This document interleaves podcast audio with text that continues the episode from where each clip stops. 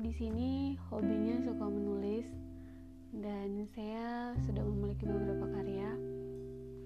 Dan di pocket kali ini saya hanya ingin membagikan uh, puisi-puisi yang saya buat kepada teman-teman semua. Semoga dari puisi-puisi saya ini bisa menginspirasi.